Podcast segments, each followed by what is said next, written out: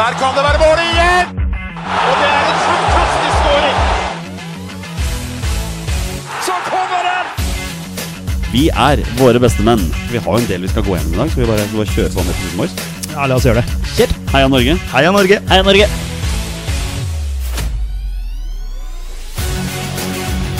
Takk, Ole Gunnar Solskjær!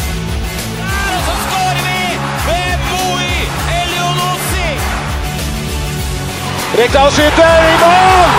Og Norge leder 1-0! Så kommer den! Det er Tariq Elunussi som har sist på den! Martin Ødegaard! Hjertelig velkommen til tidenes aller første episode 158 av Våre bestemenns podkast om norsk landslagsfotball. Mitt navn er Jonny Normann Olsen, og i dag sitter jeg her helt alene i Bestemenn Studios. Unnskyld, for her er greia, folkens. Jeg har vært i karantene i over en uke. Har begynt å kjenne på brakkesyke og har på toppen av det hele vært, eh, vært syk en stund med en grei forkjølelse og sår hals. Men eh, slapp helt av. Jeg har testet meg ikke bare én, men to ganger den siste uka for korona. Begge testene var negative. Så dette er nok bare i gåseøynene en klassiske høstforkjølelse eller influensa eller ja, noe i den dur. Så har det seg slik da, at mens man sitter her eh, hjemme og stirrer i veggene, så har vi jaggu fått en nordmann i AC Milan. Jens Petter Hauge har forlatt Bodø-Glimt til fordel for eventyret på San Siro, og dette er jo noe vi må snakke om. Så da får dere en bonusepisode med meg og dagens gjest å kose dere med rett før helgen. Dagens gjest er en felles podkaster med podkasten Idrettslinja, men han er også redaksjonssjef og president i Milan-klubben Norvegia, som er den offisielle norske supporterklubben til AC Milan. Per Asbjørn Solberg, velkommen til oss. Jo, tusen takk. Det var jo litt av en introduksjon. Ja, det, man må jo gjøre noe research, ikke sant? Så Stemmer. du får bare meg i dag. Eh, som jeg nevnte for deg før vi begynte å spille inn. Jeg eh, er sjuk og har vært i karantene og er nå sjukmeldt, så de andre gutta får ikke lov til å komme. Men jeg trengte noe å gjøre, eh, så da prater jeg med deg. Er ingenting bedre enn det. Nei, det er noe med det. Og du er jo AC Milan-supporter. Så Stemmer. jeg må bare begynne med dette. Vi må bare ta det med en gang. Når jeg sto opp i dag morges, så sitter jeg og spiser frokost, sjekker sosiale medier, og alle som kan krype og gå, prater om en straffekonk og en kamp mellom Rio Ave og AC Milan i Europaligaen i går. Så jeg Ja, logger inn på, på, på YouTube, finner høydepunktene og sliter kanskje litt fortsatt med å akseptere det jeg så. Eh, men jeg tenker for deg som AC Milan-supporter, kan, kan ikke du ta to minutter kjapt og bare gå gjennom hva i all verden var som skjedde i går? Nei, men Det sjukeste opplegget jeg har sett omtrent. Altså, det var smertefullt som supporter å sitte og se på det her. Men eh, nei, det er jo en kamp der det ser ut som Milan har full kontroll i Ja, jeg husker ikke når Rio Ave utligner, men eh, jeg følte liksom det var full kontroll nesten hele matchen, og så kjenner jeg utligninga, og da blir det litt høye skuldre, som det kanskje ble mot Glimt òg, som vi jo skal komme mer tilbake til her i dag. Mhm. Og så starta ekstraomgangene etter at det har blitt 1-1 til full tid, og da skårer jo Rio AV i det ekstraomgangene er i gang. Og så blir det en halvtime da med høye skuldre, massivt stress og frustrasjon. Og på et eller annet sinnssykt vis så får man straffespark på overtid med den rareste hensen jeg har sett. Det er jo soleklar hens, da. Ja, ja, ja. Men det, det er jo nesten så man kan tro det med kampfiksing. For det er jo, det er fullstendig hodeløst. Og han blir jo for sikkerhets skyld utvist, så da går man inn i en straffekonk, da. eh, etter at uh, Chalanoglu har satt inn 2-2. Og så er jo i starten så er det jo kontante, gode straffespark stort sett hele veien, men så starter jo sirkuset, og det ja, Om du ikke har eh, vært innom sosiale medier eller sjekka på YouTube i dag, så må du jo bare sette av noen minutter, for det er det verste jeg har sett. Det, det, altså, Det- begge lag tok vel 13 straffer hver, hvis jeg telte riktig. Ja, om det var 13 eller 14, eller jeg mista helt oversikten. Men vi, vi ender jo der at keeperne tar, og begge de bommer jo selvfølgelig. Og vi har stolpetreff i haugevis, og det Nei, det der var helt, eh, helt vilt. Har ha, ha pulsen din har pulsen din blitt senka godt nok nå? Jeg har faktisk sovet skikkelig dårlig i natt, og jeg tror jo det Etterdønninga etter kamp. Det er deilig, da. Det er da, da du kjenner at du er supporter. ikke sant? Ja, det, det betyr noe i hvert fall. Det er det ingen tvil om. Ikke sant? Jeg merker at du brenner veldig for dette, Per Asbjørn. Så jeg må bare begynne. Hvordan, hvordan blir man dedikert supporter av AC Milan når man er nordmann, egentlig?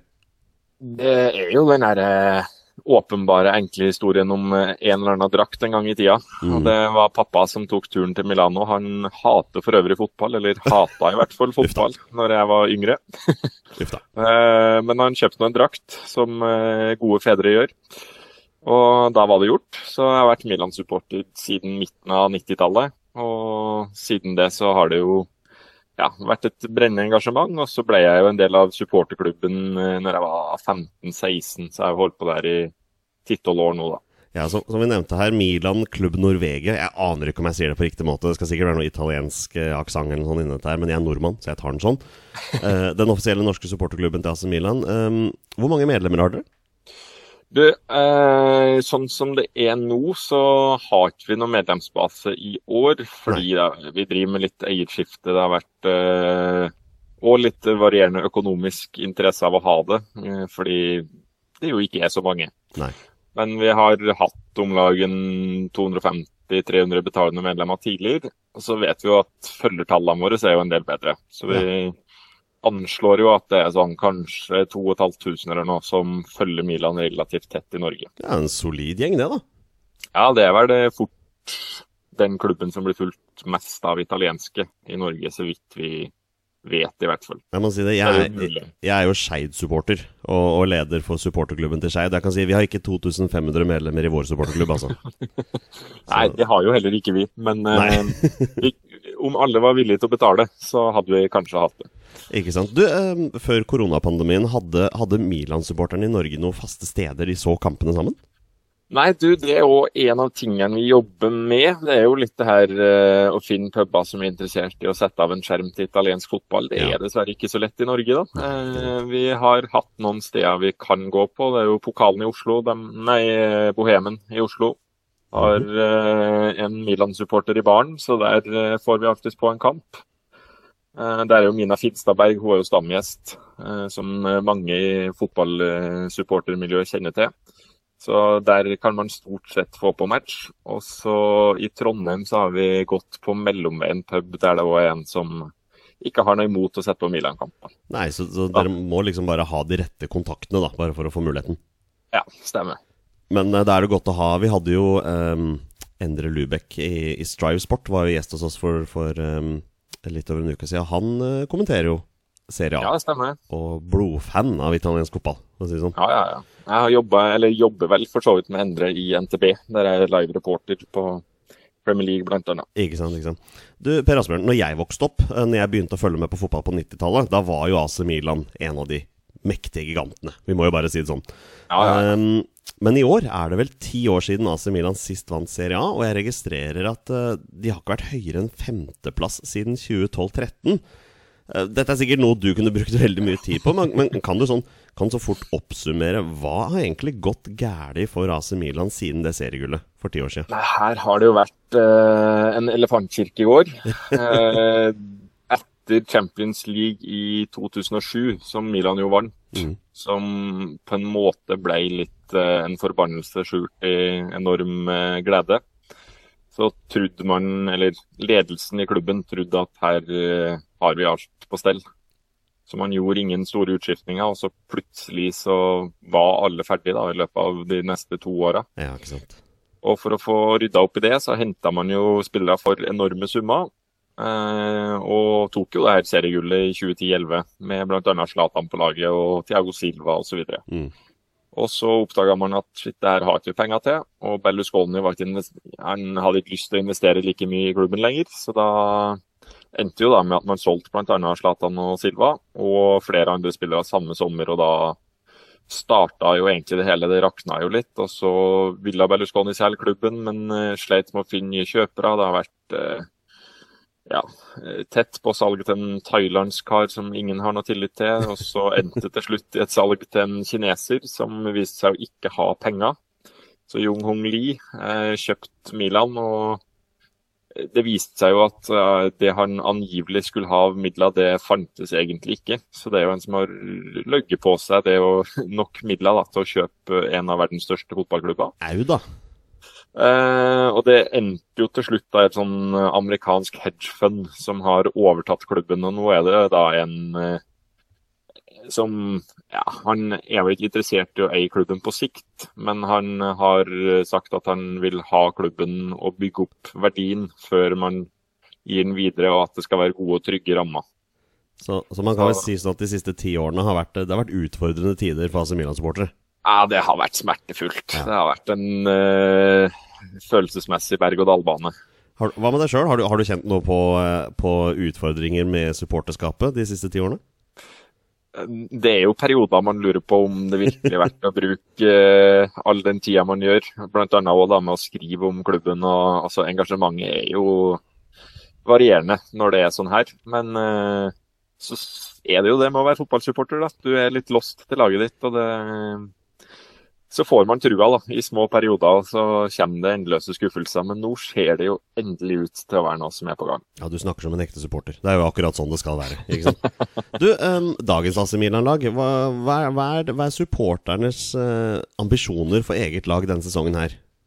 Nei, nå akkurat eh, for øyeblikket så er jo Milan det laget som har tatt flest poeng i Serie A i 2020. Hey. Eh, det er den yngste troppen i Serie A, sjøl inkludert Zlatan som jo eh, nå vel er blitt 39, eller blir det i løpet av helga. Um, og det er ja, en ordentlig optimisme da, rundt laget for første gang på lang tid. Mm. Uh, det er ikke bytta trener i løpet av sommervinduet for første gang på lang tid. Det ser endelig litt lovende ut, men så er det jo akkurat nå da, så har man jo litt skadeproblemer, litt korona korona inni troppen. og sånne kamper som i går, da, det gjør jo at man uh, får litt den her usikkerheten hengende over seg igjen. Men uh, det er absolutt grunn til å være optimist for øyeblikket. Ja, klart at Når jeg sitter nå og ser på troppen her, så er det jo, det er jo mange navn som er velkjente for folk som er fotballinteresserte. Du har nevnt Zlatan, du har nevnt Hakan, som jeg ikke har tenkt å prøve å uttale etternavnet på. Du gjorde det veldig fint i stad. Um, Theo Hernandez er jo en fyr der. Det er liksom morsomt å se at uh, keeper Donnarumma bare er 21. Du føler du har hørt om han i snart ti år, vet du. Ja, han har jo vært fast siden han var 16. Ikke sant? Bare det å satse på en 16-åring i mål er jo galskap. Eller ikke for ja, deres del, da, men sånn generelt. Simon Kjær, ikke sant? Så det, så det ja, er jo det, det, er absolutt et lag som eh, det finnes en del å bygge på. og Midtbaneduoen med Kessie og um, Benazer ja. har jo vært kanskje det aller beste i laget siden nyttår. Ja. Og så har man i tillegg fått henta stortalentet Sandro Tonali på midten. Så det det er et lag som eh, har veldig mange i det spranget mellom 20 og 25 som er fryktelig gode spillere. Ikke sant, ikke sant. Eh, men eh, for at du skal, når vi kommer til sesongslutt i, til sommeren, og du skal se tilbake på sesongen, hva, hva, skal til for at du skal se på at dette har vært en suksessrik sesong for AC Milan? Da er det topp fire. Top fire. Og endelig være tilbake i Champions League. Det har jo vært fryktelig nært noen ganger de siste sesongene. Det har jo røkket omtrent i siste serierunde de to-tre siste åra. Eh, I fjor så var det jo en litt sånn Ja. Eh, det var jo en god innspurt som gjorde at man kanskje fikk litt håp igjen en periode, men eh, det er endelig å få topp fire, da, som er det man må gå etter i første omgang. Og så kan det kanskje bygges på det videre mot et forhåpentlig seriegull innen ikke altfor mange år. Og det er vel bare det å komme på topp fire kan vel være vanskelig nok i seg sjøl. Altså, klart Juventus er vel megafavoritt, men bak der er det jo haugevis av lag som har lyst til å være med. Ja, nei, du har jo Juventus, men de har ansatt Pirlo som trener. Og er jo Ja, jeg vet ikke, jeg. Eh, litt skeptisk, men så er jo det laget der eh, har jo hatt eh, Ja, hvor mange seriegull de har på rad, det husker jeg faktisk ikke i farta, men om det er åtte-ni seriegull på rad, så de gjør jo litt som de vil. Ja. Og så har du jo Inter, da, som har fått Conte. Det så jo ut til å nesten bli med en sesong, men nå har jo han uttrykt eh, ønske om å fortsette, og blir jo værende der. Og det er jo en trener som tar titler. Mm. Og så har du Atalanta, da, som er det her vanvittige laget som bare gir og gir og gir. For det, ja. Om man eh, ikke har et lag i Italia, så selvfølgelig begynner å heie på Milan. Men, ja. Eh, men se noen kamper med Atalanta, for det er helt rått. Atalanta er en god nummer to der, altså? Liksom. Ja, det, det, må man kunne si. Og som en, og som en vaskeekte AC Milan-supporter du er, så hater jo du Inter for alt det har vært. Ja, det Jeg har ikke så veldig mye til overs for verken dem eller eh, Juventus som lag. Eh, så er det jo litt sånn her i Norge at vi er såpass få da, som er knallharde supportere av serien at eh, Det er jo ikke sånn at jeg har voldsomme feider med Inter- og Juventus-supportere på Twitter. Det er jo mer vennskapelig tone oss imellom. Men uh, lite til overs for laga, det har jeg jo. Ja, Hvis du drar til Italia derimot, da får du noen helt andre forhold. Jeg har vært på bl.a. Milan-Juventus, og det, det er ikke topp stemning i laga imellom eh, der. Det er jo, eh, når jeg var der, så var det bygd opp Jeg husker ikke hvor langt det var, men det føltes som det var to kilometer å gå rundt. eh, Fra der Juventus-bussen stoppa, så var det jo bygd fire meter høye gjerder som folk sto og kasta glass og kniver over, så det var jo ikke akkurat topp stemning. Nei, det er jo ikke den delen av fotballen man er glad i heller, når det blir sånn, liksom. Nei, det, det var litt i overkant. Men inne på stadion var det jo et helt fantastisk trykk. Og når de her papirbombene smeller i Italia og det er 80 000 på tribunen, da, da er det stort å være supporter. Det tror jeg på. det tror jeg på. Ok, Nå har vi, nå har vi sittet her og snak, snakket om AC Milan i ti minutter, og for våre lyttere så er det selvfølgelig interessant. Men vi er en landslagspodkast. Og det har seg slik, da, Per Asbjørn, at uh, vi har fått en nordmann i AC Milan. Den første nordmannen siden Er det Steinar Nilsen, mon tro? Ja, det er første nordmann siden Steinar Nilsen, om vi ser bort fra Jørgen Strand Larsen, da, som var innom juniorlaget. Ja, men men det det teller. Det teller. Det er klart det gjør det. Ja. Vi snakket med Jørgen Strand Larsen for et halvt år siden, så vi kan ikke glemme han. Det er flaut også å glemme han. Ja, han, eh, han var jo vist lovende takter i Milan, og hadde han vært litt heldigere med oppholdet og hatt Gattusso som trener hele veien, så kunne det jo ha blitt noe. For han er jo en veldig lovende spiller, her nå. Ikke sant? Men nå har det seg slik at eh, AC Milan har betalt 50 millioner kroner for en norsk kantspiller som ikke alle i Norge hadde hørt om for et år siden, men som har hatt en helt sinnssyk sesong i Eliteserien. Og han viste seg vel ganske greit fram på San Siro for en uke siden også. Jeg snakker selvfølgelig om Jens Petter Hauge, som også er tatt ut på A-landslaget. Sånn helt i starten her, Per Asbjørn, hva, hva er dine umiddelbare tanker om denne overgangen? Uh, nei, når de første ryktene kom, så er det jo sånn uh, tenkte jeg jo det åpenbare at her har han spilt en god kamp mot Milan. Eh, noen kjører på noen rykter, og så dør det ut. Men eh, så er det jo en fyr da som har er det 17 mål og 10 assist han har på, for Glimt totalt i år, med både Eliteserien og Europaligaen. Nei, et eller annet sånt, ja.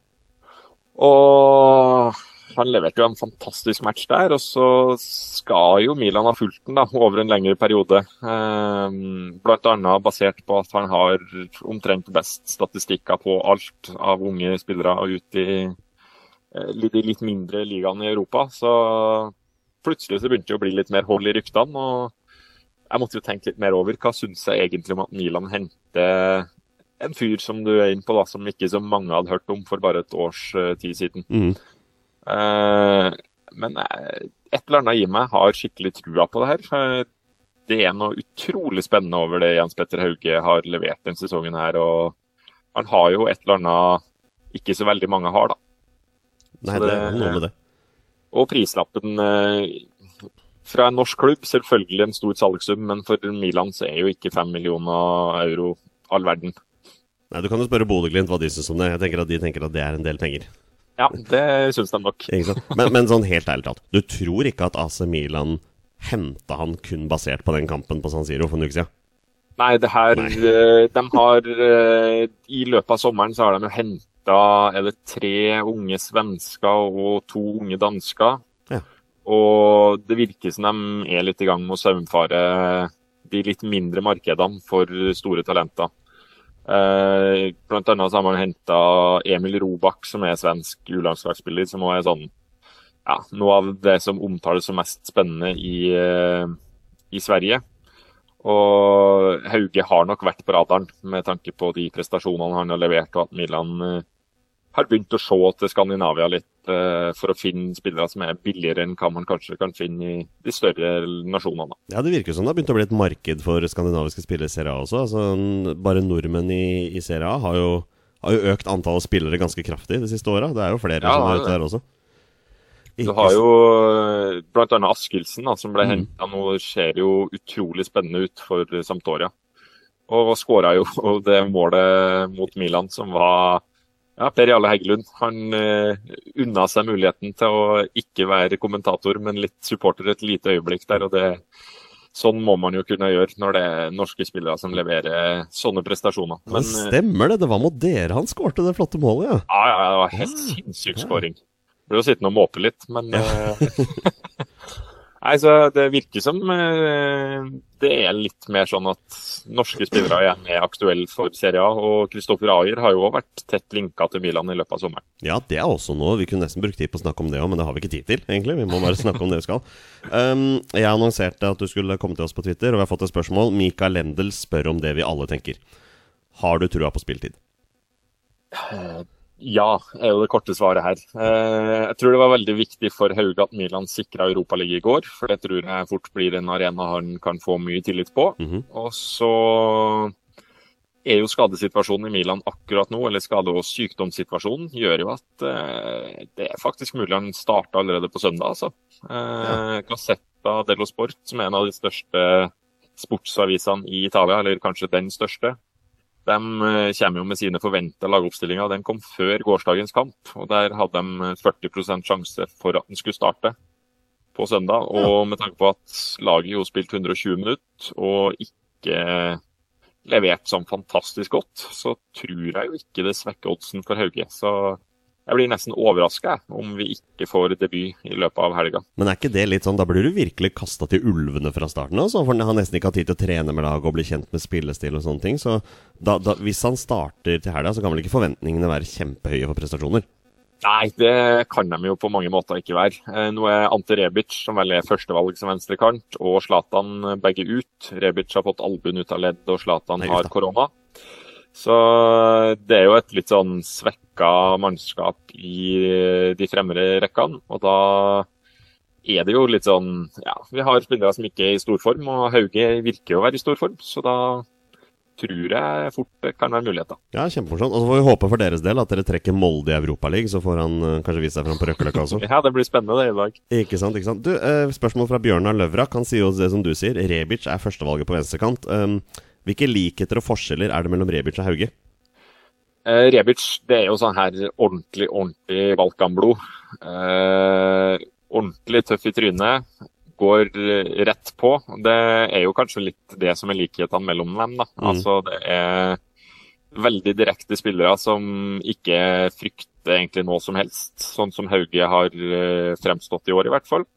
Eh, Så er Rebic kanskje enda litt mer eh, fysisk, og han er jo også en type som har spilt en del spiss. og Eh, ja, Nå skal jeg jo ikke si noe om avslutteregenskapene til Hauge, men Rebic har levert mål på et litt høyere nivå da, over lengre tid. Men absolutt to spillere det går an å se litt likheter mellom. Men ikke sånn at jeg tenker de er helt like. Hauge er nok mer en dribler, mens Rebic er en sånn mann som han tar det første touchet fremover i banen, nesten uansett. Om han så har mann i rygg, så vender han opp og bare durer på. Uten, utenom disse to, da, hvilke andre spillere i AC Milan har, er liksom utfordrere på den venstre sida? Eh, Det er Rafael Leao, som er ekstremt spennende. 21 år eh, portugiser som har bøttevis med U-landskamper for Portugal og ble henta for en ganske stor sum fra Lill i fjor. Så jeg er jo litt overraska over at det kommer liksom en spiller inn i samme posisjon, men Hauge kan jo benyttes på høyre også, og der eh, er det litt tynnere. Eh, der Milan har egentlig jakta en høyrekant hele sommeren, så er jo spørsmålet hva man tenker med Hauge. Det er jo litt vanskelig å vite eh, hva ledelsen ser for seg der, eller det sportslige apparatet i Milan. Hva de egentlig har plukka han som. Ja. Men eh, i den venstre kantrollen så er det veldig tøff konkurranse. Ja. Um, vil du si at AC Milan spiller en, eh, en type fotball som passer en spilletype som Jens Petter Hauge? Det vil jeg jo absolutt si. Eh, basert på det siste halvåret i hvert fall, så begynner det å være et lag som eh, både er god på kontra. Også Hauge er jo en spiller med et fantastisk driv, og Milan eh, har hatt et veldig ønske om å ta hurtige overganger når de mulighetene byr seg, men som storlag så møter man jo en del etablert forsvar. da. Så eh, det har jo Hauge òg etter hvert måttet gjøre med Bodø-Glimt, men det er jo først og fremst den kontringsstyrken som har vært virkelig god. Og så er det jo kombinasjonsspillet som man har sett Glimt drive med i Eliteserien. Det har man jo sett litt tendenser til i Milan. Så det er kanskje ikke så ulikt. Så er det jo eh, mer utprega enn 4-2-3-1 for Milan, med Chalanoglu hvilende bak spissen. Eh, og så har du jo 3-3 i Glimt, men det, det er jo relativt lik oppgave han vil få. Ikke sant, ikke sant. Og dere fikk jo se hvordan Bodø-Glimt spiller på nært hold forrige uke også. Satt du med hjertet i halsen, eller når eh, Ulrik Saltnes satte den over på overtid der? Ja, da hadde det ikke gått. Nei. Det var jo ganske imponerende å se dette norske laget, da, som faktisk yppa til strid på San Siro. Ja, det var rått, det. Det, det så jo veldig komfortabelt ut for Milan en stund der òg. Men eh, det er et eller annet med det her eh, Når det plutselig ikke blir noe ordentlig ledelse å holde på, og det betyr veldig mye for mange unge gutter, så tror jeg det blir litt, eh, litt tøft til det psykiske for en del. Og da var Glimt De, de er fryktløse. Ja, ikke sant. Um, Det var kult. Uh, nå har vi snakket litt om fotballmessig, men hva, tro, hva tror du blir de største utfordringene for Jens Petter Hauge? Tenker vi da, Er det, er det fotballkulturen som blir utfordrende? Er det språket? Altså, hva, hva tror du er de største utfordringene? Jeg var jo nedover til Italia og snakka med Jørgen Strand Larsen mens han spilte der. Ja. Eh, Det er absolutt en utfordring med både språk og kultur. Eh, Han må nok tilpasse seg ganske kjapt eh, på språk og begynne på engelskkurs, for det er ikke veldig mange som snakker engelsk. Nei, det er ikke så lett å få kommunisert med andre. Men det hjelper jo, da. Vi har jo vært inn på Kjær og Zlatan her. Man har jo to stykker i troppen som du kan snakke med Mm. eh, fra start. Og det er også en del som er engelskspråklig, som eh, nok kan bidra til integrering. Men jeg vil tro det aller meste foregår på italiensk, så der må jo Hauge bare komme seg på italienskkurs med en gang. Ja. Og så er det jo fotballkulturen og for så vidt eh, ting som mat osv. òg er jo noe som Strand Larsen var inne på at eh, er noe å lære seg litt, da. Altså hvordan, eh, hvordan er egentlig livet her. Kan ikke bare spise pasta og pizza hver dag. Funker dårlig, det. Gjør det, ikke sant? Ikke sant? Er italiensk et språk som er vanskelig å lære seg? Uh, jeg kan ikke italiensk, Nei. så det Jeg klarer vel å gjøre meg sånn eh, OK forstått. Mm. Og eh, jeg snakker bedre spansk enn italiensk. Mm. Og det er relativt like språk som er omtrent like vanskelig å lære seg, så ikke sånn fryktelig vanskelig, egentlig. Nei, ikke sant. Ikke sant. Eh, ja, relativt rett frem, i hvert fall å gjøre seg forstått. Vi får håpe for Jens Petter Hauges del at han får en, får en god lærer, da. Der nede i Det, det satser vi på. Du, han, han signerer jo en femårskontrakt her. Det er jo snakk om, det, det tyder jo på at AC Milan har en form for langsiktig plan med han. Tror du den planen er et form for utlån til en mindre klubb, eller tror du de har tenkt å integrere han inn i A-laget sånn i, bare jevnlig gjennom de fem årene? Det her har jeg jo tenkt på. Jeg tror fort nå at det i hvert fall blir et halvår på å se litt hvordan det her ligger an. Eh, Nå har man jo gruppespill i Europaligaen, man har mye kamper i Serie A som kommer tett, så jeg tipper han får en del muligheter for A-laget. Og så er det jo litt basert på hvordan det går. Så vil det bli tatt en avgjørelse på om det er kanskje aktuelt med et utlån eller ikke. Men Milan har hatt en policy på å signere fire-femårskontrakter med alle unge som hentes inn. Eh, for å gi det tid og for å ha god tid da, på å se om det her eh, blir en suksess eller ikke. Ja, ikke sant? Og Når jeg sitter her og ser på Wikipedia på, på første lag så ser jeg også at det er en del spillere som er på utlån til italienske klubber. Noen av de italienske klubbene har ikke jeg hørt om engang. Uh, men vil du da si at det er aktuelt for et utlån si nedover i divisjonene? Altså ned til serie B? Sånne ting? Det tviler jeg egentlig på. Eh, Nå er jo flere av de største talentene som er lånt ut, de er jo lånt ut til serie B-klubber. Eh, Men så har man jo f.eks. en som heter Tomasso Pobega, som er lånt ut til Spezia, da, som er nyopprykka i Serie A. Og det er jo heller noe sånt der kanskje skjer for meg at han vil få muligheten i en av de minste klubbene i Serie A, eh, som jeg vil tro tar sjansen på en spiller som har vist såpass mye spennende. Men vi håper vel på at det er AC Milan han skal spille mest for. Det satser vi på. Jeg håper jo selvfølgelig han blir en dundrende suksess. Ja, det tror jeg nesten alle nordmenn uh, håper på også, kanskje bortsett fra Tromsø-supportere. Jeg har skjønt at de ikke er så veldig glad i det der. Nei, det, jeg så det var en her som eh, vel utga seg for å være Glimt-supporter, men som eh, tidligere har vært Tromsø-mann som eh, kan han kalle den? Hippiefisk? Eller fiskehippie? eller noe det, det, det, det greiene der var helt absurd, altså. Det, er, eh, det, bør stå bak på drakta til Hauge, faktisk. Fisk, Ja. Fiskehippie, tror jeg det var, faktisk. Du, det har vært veldig hyggelig å, slå an praten i dag, Per Asbjørn. Vi avslutter med et spørsmål fra en av, eh, en av oss her i Våre bestemenn som ikke kunne være med i dag. Det er Petter Hermansen som lurer på kan Hauge sammenlignes med en nåværende eller tidligere AC Milan-spiller? Jeg så den her på Twitter og ble jo sittende og tenke. Så har jeg jo sett noen sammenligninger i, ja, om det er italiensk eller om det er folk som følger tett på italiensk eh, fotball, som eh, faktisk drar sammenligninga med Kaka. Det, det, er jo eh, kanskje et stempel jeg vil vente litt med å sette på Hauge.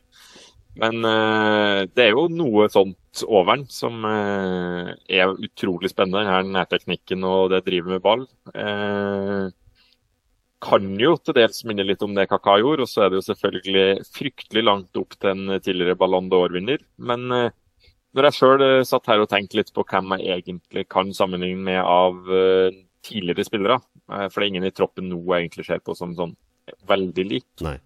så tror jeg kanskje Stefan El Sharawi, eh, som jo har hatt en ganske god karriere, til tross for at det har vært litt sånn ja, utenomsportslig trøbbel og sånn. Så hvis, eh, hvis Hauge har det samme potensialet og får ut mer av det, så bør det jo absolutt bli en god karriere ut av det. Nå har ikke jeg fulgt veldig nøye med på italiensk fotball, men El Sharawi, det er, det er faraoen, er det ikke det? Jo da, det stemmer det. Ja, men der ser du jeg får meg litt, vet du. Han, eh, han er jo tilbake nå i italiensk fotball etter å ha vært bl.a. i Monaco. Uh, og spiller jo for Roma. Uh, eller nei, han har vel kanskje forlatt italiensk Altså, igjen og gått jeg måtte inn og sjekke på, på Wikipedia her. Det står at han spiller i Kina akkurat nå. Jeg får Ja, det stemmer. Det stemmer det. Han, han var i Roma i, frem til fjor sommer eller noe, tror jeg. Den nordnorske Men, faraoen er det vi må begynne å kalle Hauge for, altså. Men eh, ja, nei, jeg ser jo noen likheter der, da. I en sånn her eh, direkte nærteknisk spiller som liker å dra seg inn fra venstre, og også er veldig målfarlig, da. Og det her er jo en kar som har fått 25 landskaper for Italia og spilt ja, 200 kamper i Serie A Ja. eh, for Milan og Roma. Så det, det er jo ikke noe dårlig skussmål. Nei, det er noe med det. All right, Per Asbjørn. Det har vært, det har vært eh, kjempehyggelig å sitte her og prate med deg. Hvor kan folk finne deg og eh, Milan Klubb Norvegia på Twitter?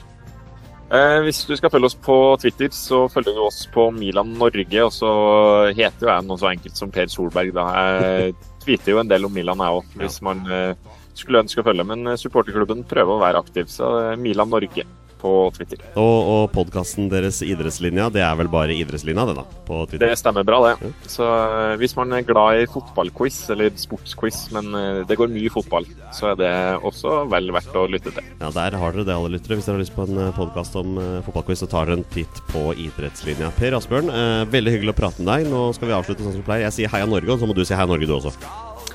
Da durer vi på Heia Norge. Heia Norge. Takk for praten, da. Takk for praten. Ha det. 好。